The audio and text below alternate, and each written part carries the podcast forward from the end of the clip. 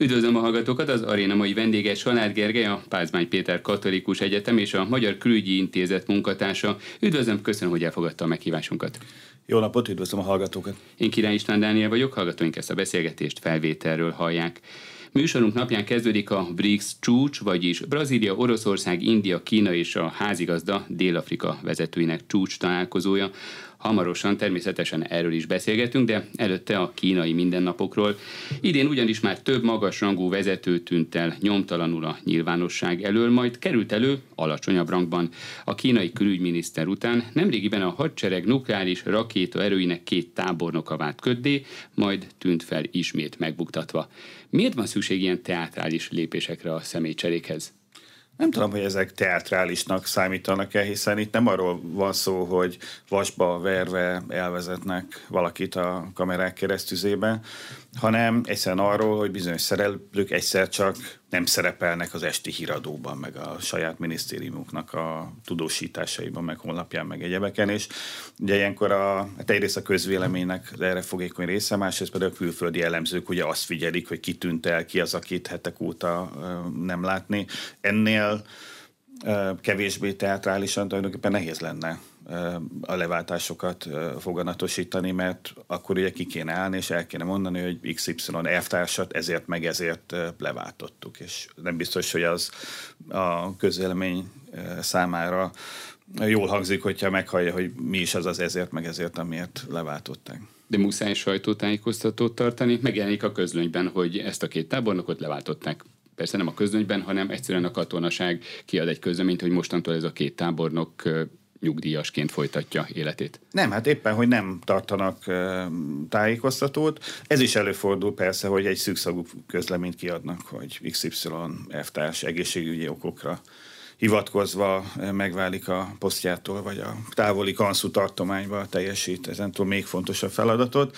Saját Ilyen kérésre. is van, saját kérésére ilyen is van, olyan is van. Nyilván ez a problémásabb ügyeknél van, amikor nincsen előre kitalálva, hogy hogyan fogják a dolgot kommunikálni, mert esetleg gyorsan kellett lépni, vagy a, magukat a, a kommunikációt óért felelős illetékeseket is meglepetésként éri a nagyfőnöknek egy döntése. Ilyenkor ugye a legegyszerűbb súnyítani, vagy hallgatni egyszerűen, csak leszedik az illetőt. Aztán ilyenkor szokott az lenni, hogy néhány hónap múlva mégiscsak megjelenik egy közlemény, hogy ezért vagy azért az XY elvtárs vagy tábornok kénytelen volt megválni a pozíciójától. Lehet összefüggés a tábornokok és a külügyi miniszter távozása között, mármint olyan szinten, hogy ellenszegültek, másként gondolkoztak, mást mondtak, mint kellett volna?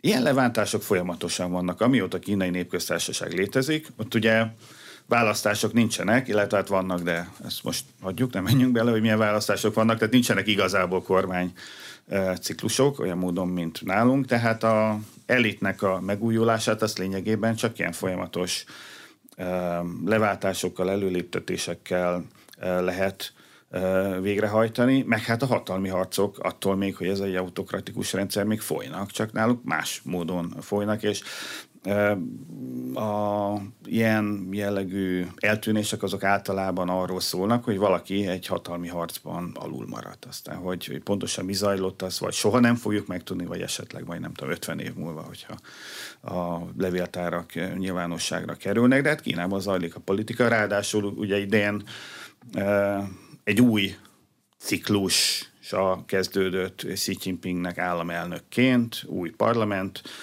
alakult, tehát ez teljesen természet, új ugye, miniszterelnök is lehet, teljesen természetes, hogy zajlanak bizonyos személyváltozások, ezek közül a kevésbé problémásak azok nyilvánosság előtt, a, a, a problémásabbak, ahol van azért takargatni valója a rezsimnek, vagy nem készültek fel az ügynek a kommunikálására, ott pedig ezek a furcsa megoldások érvényesülnek. De ugye az elmúlt 20-30 évben folyamatos a következő vezetői réteg kinevelése. Tudatosan készítik elő a vezetőváltásokat, a miniszterelnök, vagy akár az államelnök, vagy legalábbis eddig váltást. Ezekben a lépésekben, ezekben a politikai harcokban is lehet szerepe akár a tábornok, akár a külügyminiszter eltávolításának, mert hogy lehet, hogy ők egy másik kört képviseltek, vagy egy másik kör érdekeit képviselték, vagy azért ennyire mélyen ez nem keresendő Hát ugye a külügyminisztert azt maga Xi Jinping emelte föl, tehát ő kifejezetten Xi Jinpingnek az embere volt, és az az igazság, hogy tíz évnyi Xi Jinpingi hatalomgyakorlás után már nem nagyon vannak olyanok a, a elitbe, akik nem valamilyen módon Xi Jinpinghez kötődnének. Hát az elmúlt tíz évnek egy fontos fejleménye volt, hogy megszabadult korábbi vezetők embereitől, illetve hát egy-két ilyen maradvány van. Például ezek a leváltott tábornokok, ezek nem Xi Jinping alatt kinevezett tábornokok voltak, tehát elképzelhető, hogy valami korábbi rivális emberei voltak, vagy valamiféle maradvány voltak a rendszerben, de egyébként az is elképzelhető, hogy egész egyszerűen itt a tábornokokra vonatkozóan olyan fejlesztéseket, olyan változtatásokat akar Xi Jinping a nukleáris erőknek a, a tekintetében, amely, amihez új emberre van e, szükség.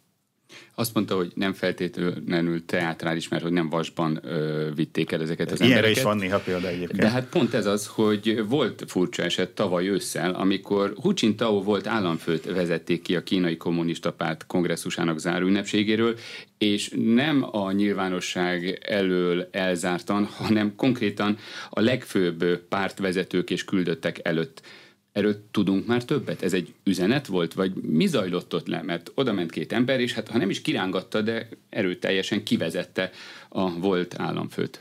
Nem, erről azóta semmilyen új információ nem látott napvilágot.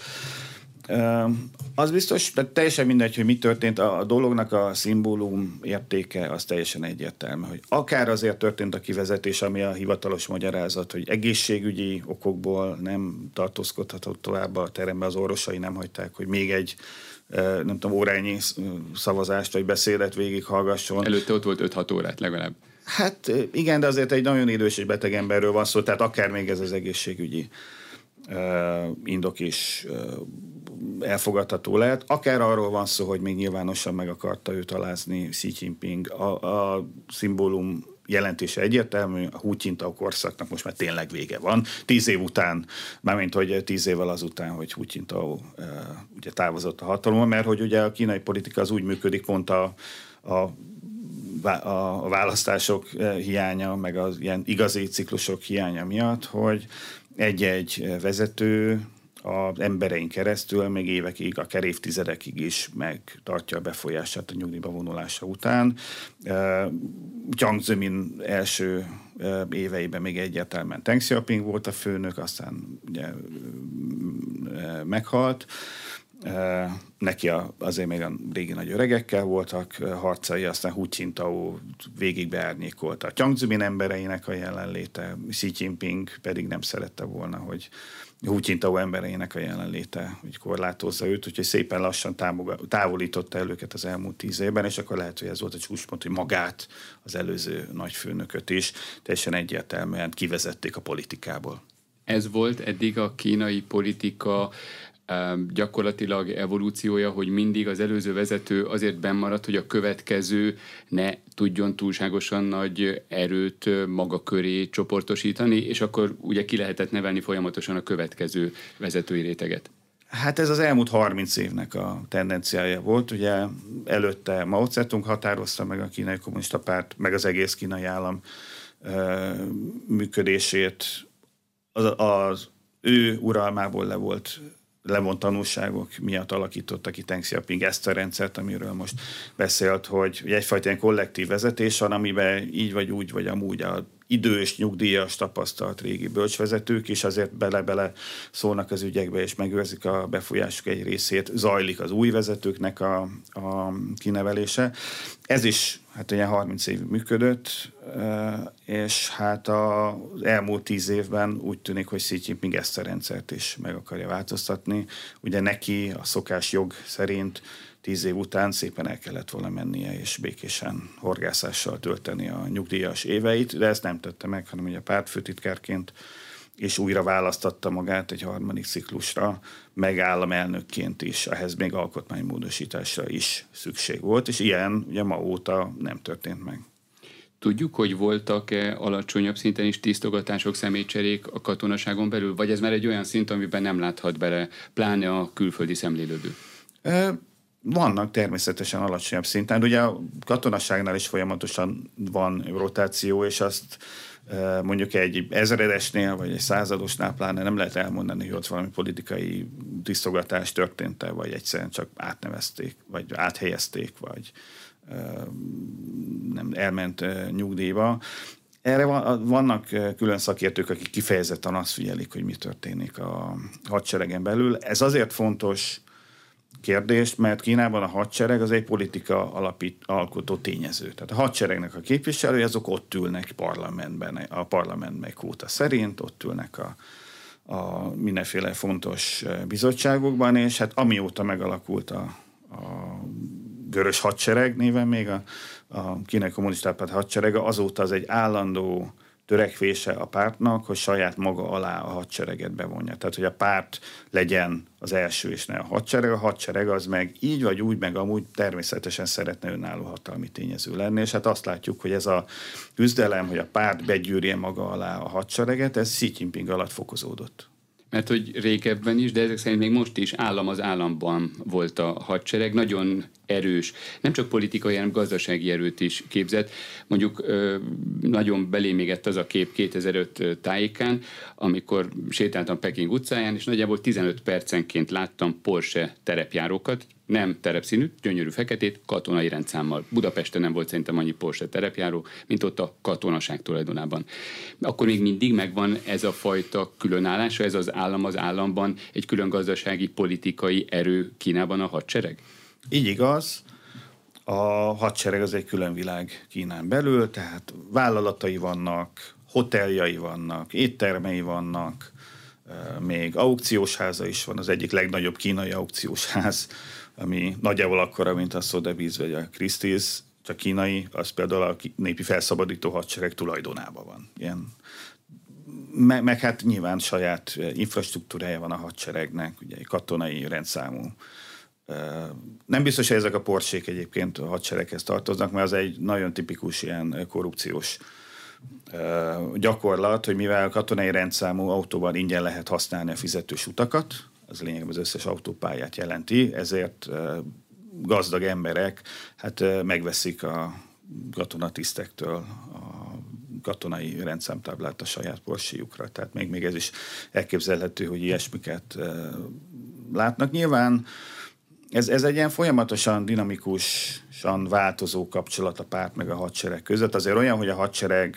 a párt fölé kerekedett volna, olyan még nem nagyon volt, de olyan, hogy azért mocorogtak ott a párt ölelésében, és, és, és eléggé önálló politikát vittek, vagy próbáltak érvényesíteni például a külpolitikában egy jóval agresszívebb hozzáállást, hiszen a hadsereg érdeke, hogy konfliktus legyen, vagy konfliktus közeli helyzet legyen, mert akkor kapnak nagyobb költségvetést. Ez azért tapasztalható volt lehet ezáltal akár, akár az ukrán-orosz háborúban is egy kicsit más Xi Jinping álláspontja, mint a katonai vezetők álláspontja, vagy azért ennyire nem önálló ez az egység? Ennyire nem látunk bele. Tehát az, hogy a katonai vezetők mit gondolnak az ukrán-orosz háborúról, vagy tulajdonképpen bármiről, arról nagyon keveset tudunk. Tehát mondjuk a kínai külügyminisztérium szóvivői azok naponta tartanak sajtótájékoztatót, és ha nem is azt tudjuk meg belőle, hogy mit gondolnak ténylegesen, azt, azt legalább meg tudjuk belőle, hogy mit gondol, vagy mit szeretnének kommunikálni a külvilággal a, arról, hogy mit gondolnak egyes külpedi kérdésekről. Most a katonaság ilyet természetesen nem csinál, sehol a, máshol sem egyébként a világon. Tehát az, hogy a, tehát nem csak, hogy mit gondolnak a tábornokok, azt nem tudjuk, de, hát, de tehát az se, hogy mit szeretnének kommunikálni, mert hát ugye nem nagyon kommunikálnak. Csak az összehasonlítás véget, mekkora nagyjából a kínai hadsereg létszáma hozzávetőleg? Nem néhány tízezer fő. Valahol két és három millió fő között van. Attól függ, hogy a tartalékosokat meg egyebeket be számítjuk el, meg attól függ, hogy mennyire haladtak előre a reformok. Tehát valamikor a, a 70-es évek végén ugye volt egy háború Kína és Vietnám között, ami Kínának nagyon csúfos verességével ért véget és ekkor Deng Xiaopingék elhatározták, hogy megreformálják a hadsereget, ekkor nagyjából 3 milliós volt az állandó állomány, és a irány az az volt, hogy nem a méretet kell növelni, hanem a technológiai fejlettséget, tehát azóta folyamatosan, szép lassan folyamatosan csökken a létszáma, talán már lehet, hogy benne két millió fölé is lecsökkent, miközben a technológiai ellátottsága, fejlettsége az természetesen növekszik. És a 2000-es évek után egy újabb lendületet vett a hadsereg fejlesztése. Hol tart most a haderő fejlesztés? Mert ugye Peking nem titkolt célja, hogy felügyelete alá vonja a csendes óceánt, részben vagy egészben átvegye az Egyesült Államok szerepét.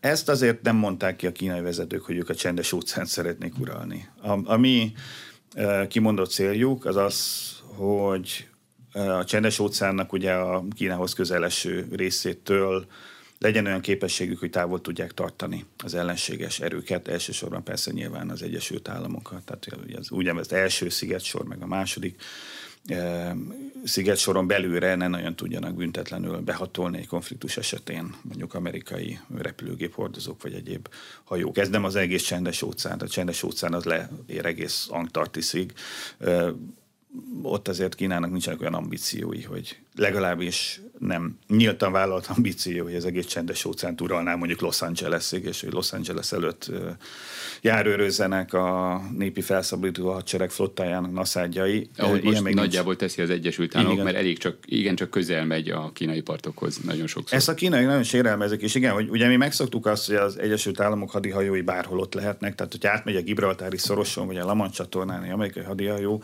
az senki nem érdekel. De hogyha egy kínai hadihajó kezdene járőrözni mondjuk a Balti tengeren, az azért hogy mondjam, kiváltana sokaknak a furcsálását, és a kínaiak ugye ezt érzik, hogy hát az amerikaiak ott járőröznek a tajvani szorosban, meg a kínai partoknál, meg általuk kínai felségvíznek tartott dél-kínai, meg kelet-kínai tengerén, és ezt egy nagyon igazságtalan helyzetnek tartják, és egyelőre a nyílt ambíciójuk az ennek az igazságtalan helyzetnek a megszüntetése, hogy legalább, ha mi nem is megyünk hozzájuk közel, de ők se tudjanak hozzánk közel jönni. Az oroszok Ukrajna ellen indított háborúja miként változtatott, ha változtatott a kínai katonai fejlesztési terveken? Tudunk ilyenről? Mert hogy figyelik, az biztos, ugye van egy ilyen régi anekdota, vagy lehet, hogy valóban így is volt, hogy az öbölháború idején is ugyanúgy a kínaiak folyamatosan figyelték a harcokat, és hogy állítólag akkor vezették vissza az álcahálót minden egyes katonai autóra, mert hogy az amerikai megfigyelőket, a műholdat, illetve az evexeket azzal tudták becsapni az irakiak. És akkor azt mondták, hogy akkor nálunk minden autón lesz ilyen. Szóval mennyire figyeli Kína az orosz-ukrán háborút, illetve mennyire, miben változtatott, miként változtathatott a fejlesztési tervein Pekingnek? Hát erről se tartottak sajtótájékoztatót, hogy milyen műholdjaik keringenek ott Ukrajna fölött, és azok milyen minőségű képeket készítenek, meg milyen információkat gyűjtenek. Hát nyilvánvalóan az egész kínai katonai titkosszolgálat, ahogy egyébként a többi országnak a a megfelelő szervei is hát azon dolgoznak, hogy elemezzék, hogy mi működik, mi nem működik, mit lehet csinálni, mit nem lehet csinálni, melyik fegyver, ugye egy nyugati fegyverekről van szó, az a, azoknak mik a gyengeségeik, mik az erősségeik, tehát abban nagyjából biztosak vagyunk, hogy ezt a kínaiak a lehető legnagyobb erőkkel figyelik, ugye hatalmas műholdrendszerük van, tehát eszközük is van valószínűleg a terepen is, ezért valamennyire jelen vannak, de az igazság, hogy erről így nem adtak ki egy fehér könyvet, hogy elmondják, hogy mi mindent tanultak a, a orosz-ukrán háborúból. Én azt gondolom, hogy ez a világ legtermészetesebb dolga, hogy ilyenkor oda kell figyelni. És gondolom nem csak a nyugati fegyvereket figyelik, hanem az orosz fegyvereket, illetve az orosz haderő mozgását, erejét, ütőképességét és gyenge pontjait? Hát természetesen egyrészt azért az orosz-kínai barátság az nem örök és megbonthatatlan, volt már köztük háború, és e, nyilván, hogy mondjam, ugye tarts közel a ellenségedet, de még közelebb a barátodat, hogy a keresztapában elhangzik ezt, azért a kínaiak is ismerik ezt a mondást, vagy biztos, hogy van valami hasonló mondásuk nekik az ókorból, és ezzel az oroszok is így vannak. Másrészt pedig hát ugye a kínai hadsereg az jó rész orosz technológiával van fel, fegyverezve. Az elmúlt évtizedek ugye arról szóltak, hogy, a, hogy lábon megvették a, a szovjet, a kínainál jóval fejlettebb szovjet haditechnikát, tehát most nagyon oda kell figyelniük, hogy mi e, működik, mi nem működik, minek, mik a gyenge pontjaik. Most nyilván arról sem tartottak sajtótájékoztatót, hogy és akkor most milyen irányba fogják fejleszteni a hadsereget. Időről időre megjelennek e, ilyen hírek, hogy ilyen kütyűt szerkesztettek, most éppen egy ilyen folyamatosan működő Blizzard fegyvernek a prototípusát mutatták be, vagy legalábbis bejelentették, hogy van nekik olyan, ami egyetemű elmozdulás a, a ukrán háború kitörése óta, nem tudjuk, hogy itt van-e okokozati kapcsolat, az az, hogy a nukleáris erőket jelentősen fejleszteni akarják. Ugye Kínának van atombombája, de kifejezetten kevés nem két-háromszáz atom töltete van. Ez er, kifejezetten az volt az országnak a doktrinája, hogy ők nem fognak soha elsőként atomfegyvert alkalmazni egy háborúban, nekik azért kell az atomfegyver, hogy elriasszák az ellenséget attól, hogy ő rájuk atombombát dobjon, ehhez két-háromszáz töltetet bőven elég, többhöz nem. És most úgy tűnik, hogy ez a sok évtizedes doktrina, ez megváltozni látszott, tehát bejelentették, hogy növelik a tölteteknek a számát, meg, meg, meg új fejlesztéseket is végrehajtanak ezen a területen. Itt én azt gondolom, hogy akár a hadsereg fejlesztésnél, akár azon belül itt a nukleáris erők fejlesztésnél nem a orosz-ukrán háború a fő kiváltók, hanem az orosz-ukrán háborúnak a fő oka nevezetesen az, hogy kezd kialakulni egyfajta ilyen új hidegháború, a nyugati világ, meg mondjuk egy ilyen Kína-Oroszország, Irán, stb. tengely között, és hát egy hidegháborúban ugye fegyverkezni kell.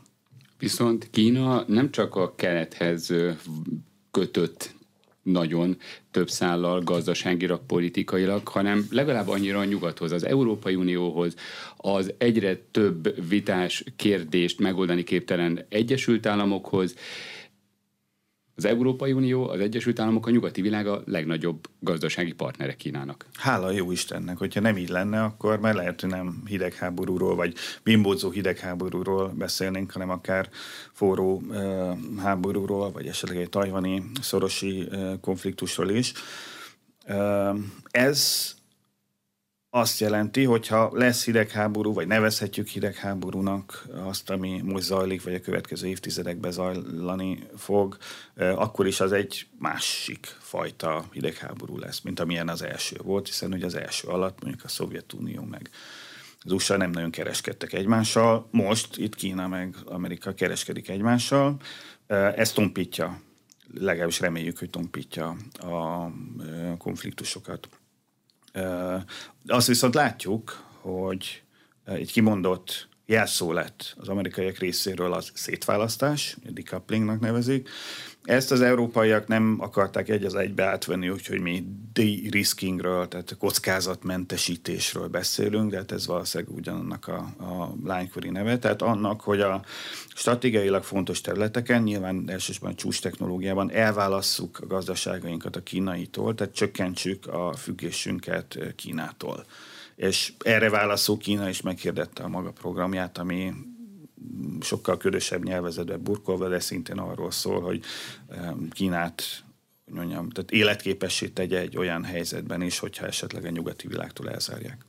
Lehet az orosz-ukrán háború Kína számára egy példa arra az esetre, ha át szeretné venni a Tajván feletti politikai, katonai felügyeletet?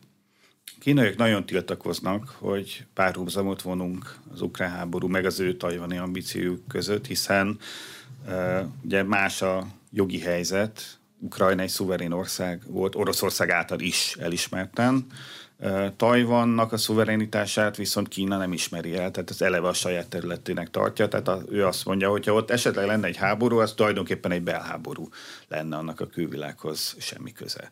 Egyébként még az Egyesült Államok sem, meg Tajvannak a legfőbb szövetségesei sem ismerik el Tajvannak az önálló államiságát, itt egy nagyon furcsa helyzet van.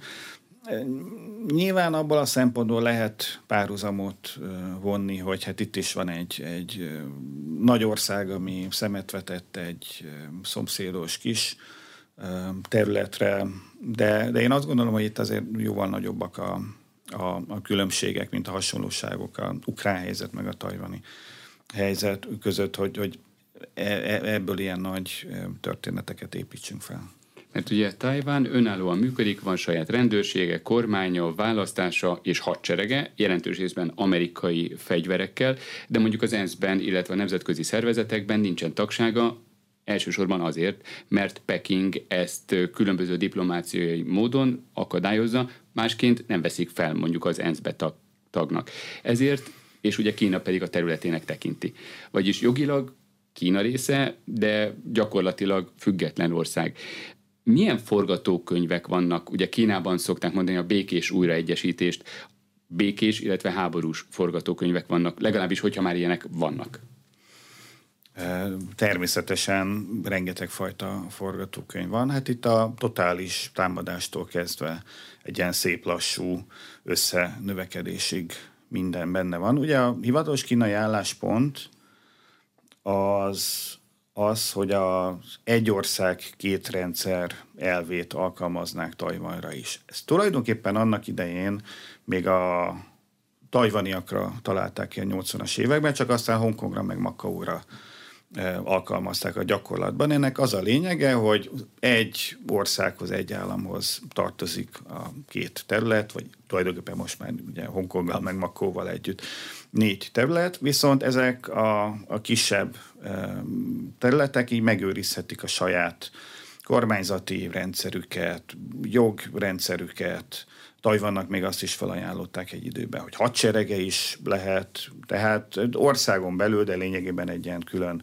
világként működhetne Tajvan, ahogy ugye Hongkong is, meg Macau is e, működik. Ez van Tajvan számára folyamatosan felajánlva, tehát a kínaiak alapvetően ezt szeretnék, hogy népszavazással, vagy parlamenti döntéssel, vagy egyéb módon a tajvaniak kiáltsák ki, hogy ők szeretnének a kínai népköztársaság része lenni, és cserébe meg a népköztársaság széleskörű autonómiát biztosít számukra. Most nyilván ez, ez ami nem nagyon fog megtörténni a tajvani közvéleményt ismerve, tehát nem fognak a tajvani lakosok elmenni és tömegesen leszavazni arra, hogy csatlakozzunk Kínához, és a parlamentben sem fog ilyen párt jutni. És itt ugye a 2010-es évek végének a hongkongi eseményei az ottani ilyen tüntetéseknek a szétverése, ellenzéki aktivistáknak a bebörtönzése, a nemzetbiztonsági törvény ráerőltetése Hongkongra, az ugye a maradék tajvani, tehát aki még Tajvanon gondolkodott is egy,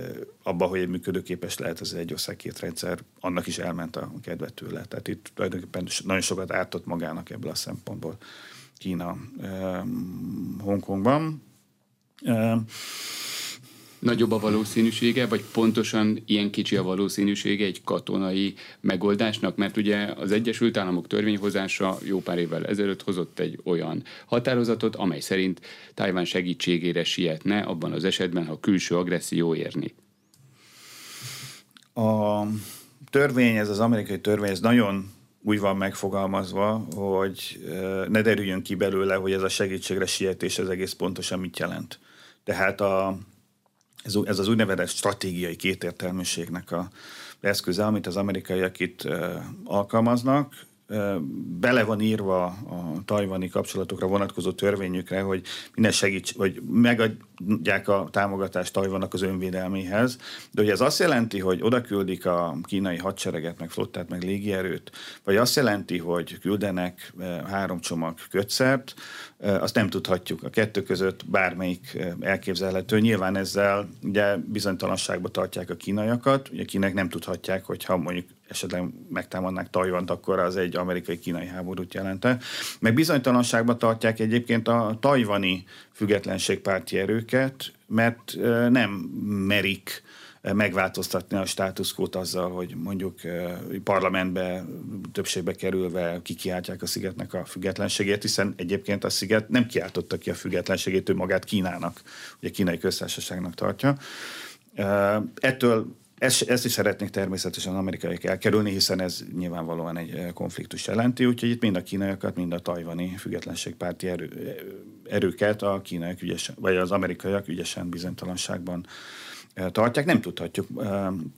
Biden elnöktől többször is megkérdezték egyébként sajtótájékoztatón, hogy adott esetben fegyveresen is Amerika Tajvan segítségére sietne Biden elnök mind háromszor esett ez meg, ha jól emlékszem. Mind a háromszor azt mondta, hogy igen, Mind a háromszor utána a, a Fehérház vagy a külügyminisztérium kiadott egy közleményt, amivel jelezte, hogy igazából nem változott meg a korábbi politika, és amikor az elnök azt mondta, hogy igen, akkor nem arra gondolt, hogy igen, hanem arra gondolt, hogy nem tudom micsoda. Tehát itt úgy tűnik, hogy a, a kínai, vagy az amerikai vezetésen belül is ezt a még, még, még fokozzák a, a kiszámíthatatlanságot, tehát az, a kínaiak egyszerűen nem tudhatják, hogyha ők megtámadnák Tajvant, akkor az amerikaiak beavatkoznának-e. Viszont nem. a kínaiak bajszát folyamatosan húzgálják, a tajvaniak is, illetve az amerikaiak is a magas szintű politikai látogatásokkal, amelyeket Peking rendre illegitimnek, törvénysértőnek tart, a nemzetközi jogba ütközőnek, mondjuk, hogy Nancy Pelosi leszálljon Tajvanon.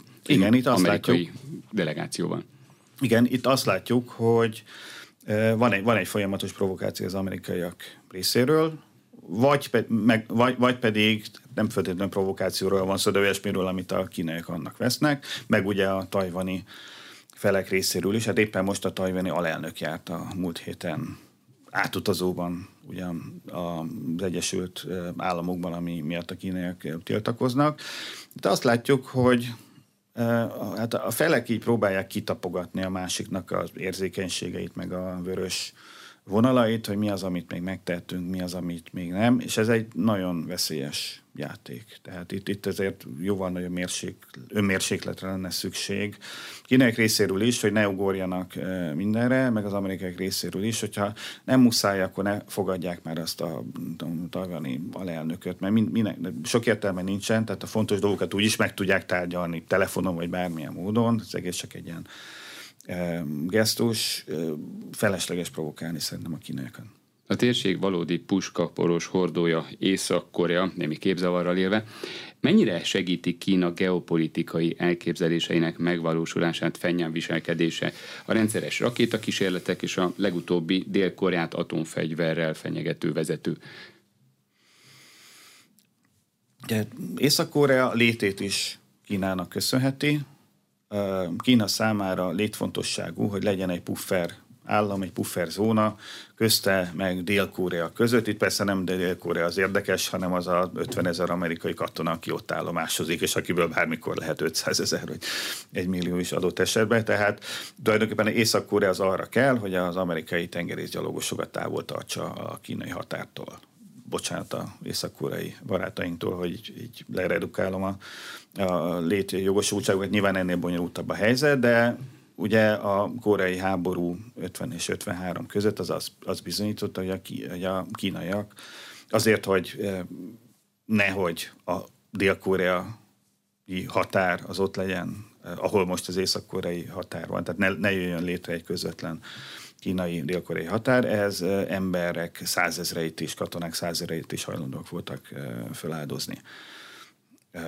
És, és ugye beléptek a háborúba, és azóta is ezt látjuk, hogy nekik az elsődleges céljuk az, hogy ez az állam ez fennmaradjon. És ahhoz, a, ehhez képest az, hogy ez az állam ez éppen hogy viselkedik, hogyan provokál meg, milyen színes fenyegetésekkel árasztja el a japánokat, meg a dél-koreaikat, meg az amerikaiakat, ez tulajdonképpen mellékes. Kína mindig meg fog annyi támogatást adni Észak-Koreának, hogy ez a rezsim ez fönnmaradhasson. Tehát nem fogja elengedni a Kim rezsimnek a kezét. Az viszont nem föltétlenül jó neki, hogyha ott nem tudom, atomfegyvereket robbangat fel, meg rakéták kísérleteket hajt végre Kim Jong-un, ez, ez nyilván nem érdeke Kínának, hogy a instabilitás fokozódjon a régióba, hiszen ez például ürügyet teremt Japánnak az újra felfegyverzésre, vagy a koreai hadsereg állandó fejlesztésére, vagy az amerikaiaknak a térségbeli jelenlétére is. Ez nem jó nekik, de hát a, a koreaiak is önálló szereplők, tehát ekkora mozgásterük azért van nekik. Atomfegyver, illetve a technológia Kína vagy Oroszország honnan kaptak tök, kaphattak több segítséget?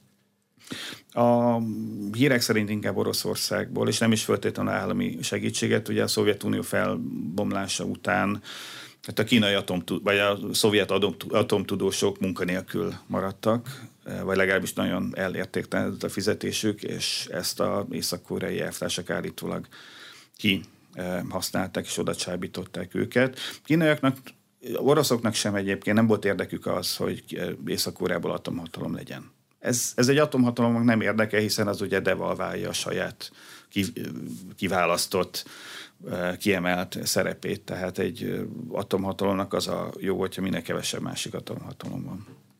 És ugye, mint említettük a műsor elején, most kezdődik a BRICS csúcs, vagyis Brazília, Oroszország, India, Kína és a házigazda Dél-Afrika vezetőinek csúcs találkozója. Ezen államok együttesen a világ GDP-ének nagyjából ötödét adják. Mik a legfontosabb kérdések a mostani csúcson, ahol Vladimir Putyin nem lesz jelen, az országát a külügyminiszter képvisel, mert hogy nemzetközi elfogató parancs van ellene. Szóval mi a legfontosabb ezen BRICS csúcson most? Persze Kína szempontjából jelentős bővítések kerülnek napirendre.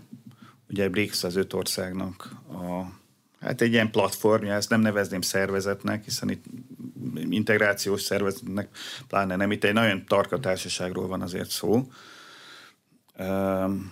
amelyeket vagy amelyet Kína próbál úgy megszervezni, hát nyilván a saját informális vezetésével, hogy ez a globális délnek a képviselője legyen, a nyugati hegemónia ellen. Tehát, és tulajdonképpen a fő kérdés, én azt gondolom az az, hogy mennyire sikerül a globális délt, illetve a BRICS-et mozgósítani arra, hogy tényleg egyfajta nyugat ellenes, vagy nyugat ellensúlyozására, vagy nyugati túlhatalom ellensúlyozására törekedő szövetségé váljon, vagy mennyire marad a, tehát az az a kooperációnak az eszközeit. Nyilván a kínaiaknak a célja az az, hogy elköteleződjenek a többi BRICS tagországok az ő hát egyfajta nyugat ellensúlyozására tett kísérletei mellett. Oroszoknak is nyilvánvalóan ez az érdekük, tehát itt a kínai meg az oroszok érdekek azok egybevágtak.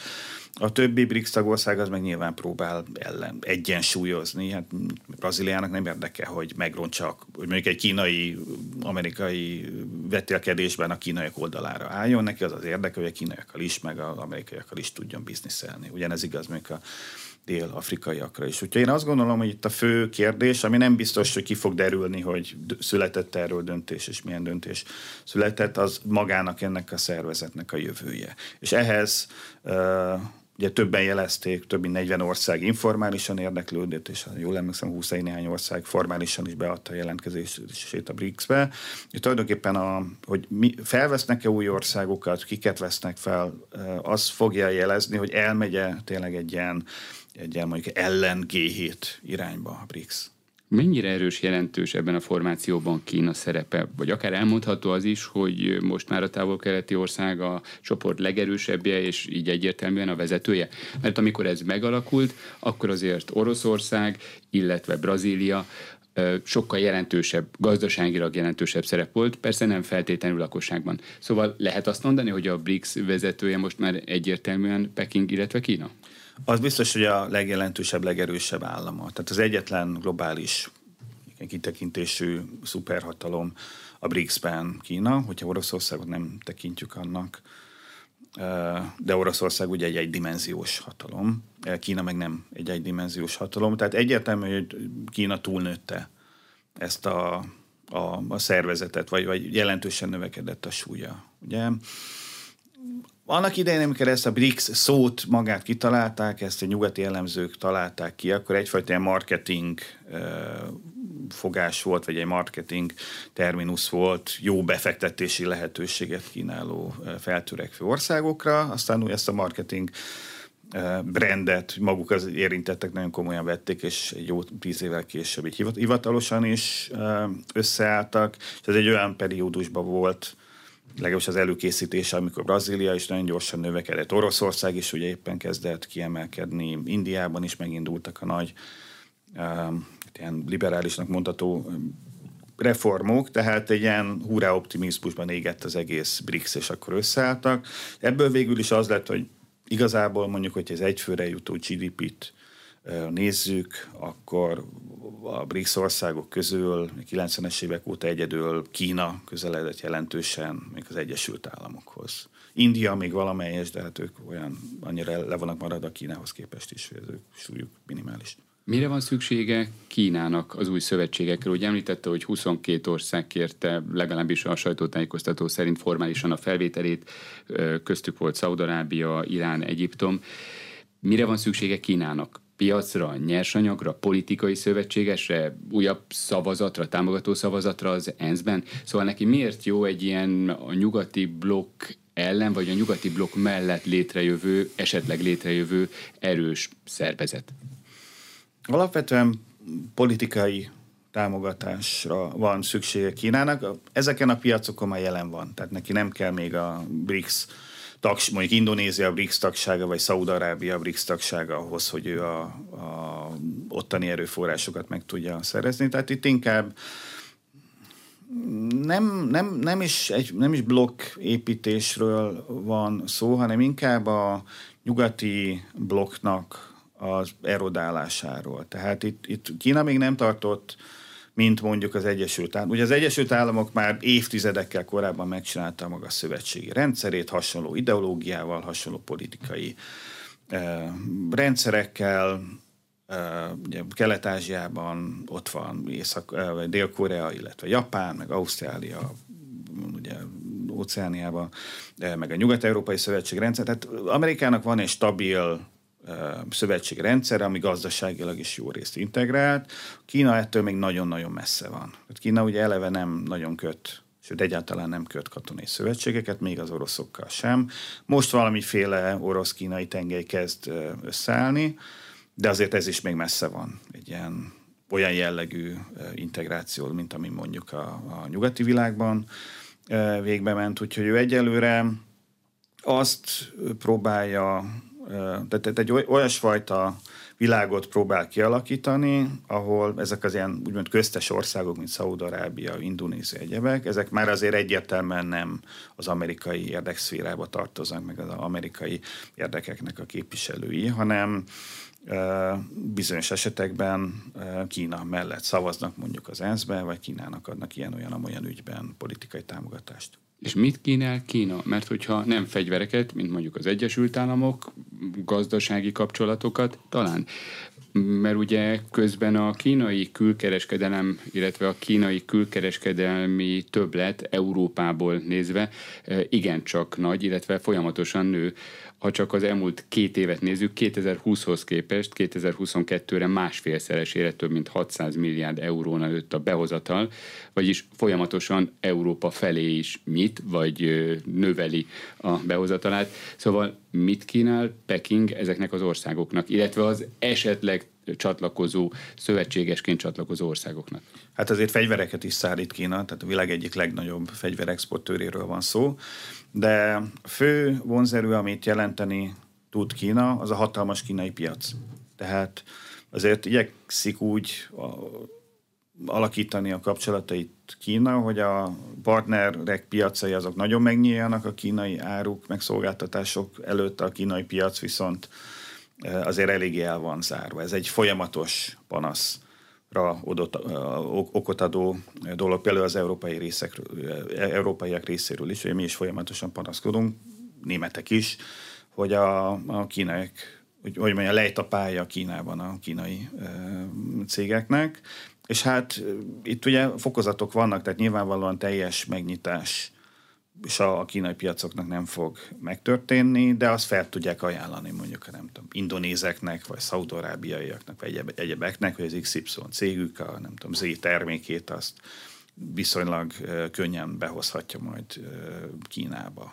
Vagy nyilván ennél bonyolultabb konstrukciókról van szó, de azért a kínai piacnak, ami hát azért a világ legnagyobb piaca, olyan vonzereje van, hogy ha annak csak egy részleges megnyitását is meglebegtetik, a, főleg az ilyen exportorientált országok előtt, az azért nagyon vonzó tud lenni. Közben Kínában rettenetes állapotban van a gazdaság, legalábbis a szalagcímek szerint, eh, mert hogy lassult a gazdasági növekedés, Európából nézve álomszerűnek tűnhet, hogy lehet, hogy nem érik el az 5%-os bővülést. Mit jelent ez a gyakorlatban? Mi történik Kínában, illetve mi az, hogy gyengélkedik az ottani gazdaság, és mik lehetnek az okok? Hát válság az nincs, de igény az lenne rá. Legalábbis a nyugati, a nyugati oldalról. oldalról. Hát ugye Kínában azért naponta termelődik több százezer, vagy akár több millió információ, hír, esemény, adat, stb. Ebből mindig ügyesen ki lehet választani azt a hármat, vagy ötöt, vagy tizet, vagy akár százat, ami az embernek a akármilyen narratíváját támasztja alá. Tehát én tudnék rögtön szerezni öt hírt, ami három másodperc alatt egy kereséssel, ami azt bizonyítja, hogy Kína holnap után össze fog omlani, de arra is tudnék találni öt hírt, hogy Kína holnap utánra elfoglalja az egész világot, és uralni fog mindent mindörökké. Tehát nagyon vigyázni kell a nyugati sajtóval, nem csak a nyilvánvaló elfogultságuk miatt, hanem még a, még a jó szándékkal is azért nehéz kiszűrni a fontos híreket, meg a fontos információkat. És akkor Kínában. mi lehet Kínában? Szóval ugye az 5%-os gazdasági növekedés, hogyha Európában lenne, mindenki megnyalná mind a tíz ujját. Itt azt mondják, hogy ugye a növekedés gyorsasága csökken, vagyis igencsak jól bővül, vagy igencsak uh, irigylésem méltó módon bővül a kínai gazdaság. Milyen problémák vannak, illetve milyen problémák lehetnek? Tulajdonképpen egyfajta hosszú Covid-nak lehetne nevezni. Van persze egy strukturális változás is. Egész ez az a kínai növekedési modell, ami 30-40 évig fűtötte a gazdaságot, az már a kifulladt, tehát ez a olcsón összecsavarozzuk a, a telefont és eladjuk a gazdag nyugatiaknak, ez nagyon sokáig működik. Ugye Japán is így futott fel, meg Dél-Korea, meg Tajvan is így futott fel, tehát ez nem egyedi, csak a méretek voltak mások. Ezen a szakaszon Kína túljutott, most egy jóval érettebb szakaszon van. Teljesen természetes, hogy most már nem 14 os a gazdasági növekedés, mint mondjuk a 2000-es években volt évente. Úgyhogy itt, itt van egy teljesen természetes lassulás is, illetve hát vannak, amit ugye hosszú Covid-ként emlegettem, ilyen rövidtávú hatások is. Például ugye Kína három évig be volt zárkózva, iszonyatosan elment a cégeknek is, a lakosságnak is a bizalma, a, a, a hite abból, hogy érdemes beruházni, vagy érdemes fogyasztani, hiszen ugye az derült ki a három év alatt, hogy ha éppen valami probléma van, akkor jön az állam, és lezárja a házamat, elveszi a nem tudom, a javaimat, nem férek hozzá a megtakarításom, stb. stb. stb. És ezért, elment, e, ezért a, a befektetési kedv az nagyon alacsony, a fogyasztási kedv az e, nagyon alacsony, tehát az a fajta felpörgés, ami más országokban a Covid után e, megtörtént, az, az Kínában nagyon rövid volt, ez egy negyed évig tartott lényegében, és mindenki kivár. Ott ülnek az emberek, meg a a cégek a pénzükön, és nem fektetik be, és nem fogyasztanak, és nem vesznek mondjuk autót, mert ki tudja, mi lesz holnap után. Tehát ez egy három éve uh, alatt eljátszott bizalmat nem lehet fél év alatt visszaszerezni a jövőben, és ezt természetesen érzékeli a kínai vezetés, és úgyhogy júliusban megjelent egy olyan dokumentum, a kormány, illetve a központi bizottság közös által közösen szignált dokumentum, ami megszabja a következő éveknek a főgazdasági irányát, és ebben már az szerepel, hogy a magántőkének, a magánvállalatoknak sokkal nagyobb teret kell adni, és meg kell szüntetni az állami vállalatoknak a, a, a előnyben részesítését, ami egyébként egy 180 fokos fordult az előző évek politikájához képest. Ehhez kell majd néhány hónap, vagy akár év is, amíg ez a alacsony szinteken is beívódik. Köszönöm, hogy itt volt az aréna mai vendéges Valád Gergely, a Pázmány Péter Katolikus Egyetem és a Magyar Külügyi Intézet munkatársa volt. A műsort visszahallgathatják az infostart.hu oldalon. A műsor összeállításában Szécsi Ágnes vett részt. A műsorvezetőt Király István Dánielt hallották. Köszönöm a figyelmüket, viszont hallásra!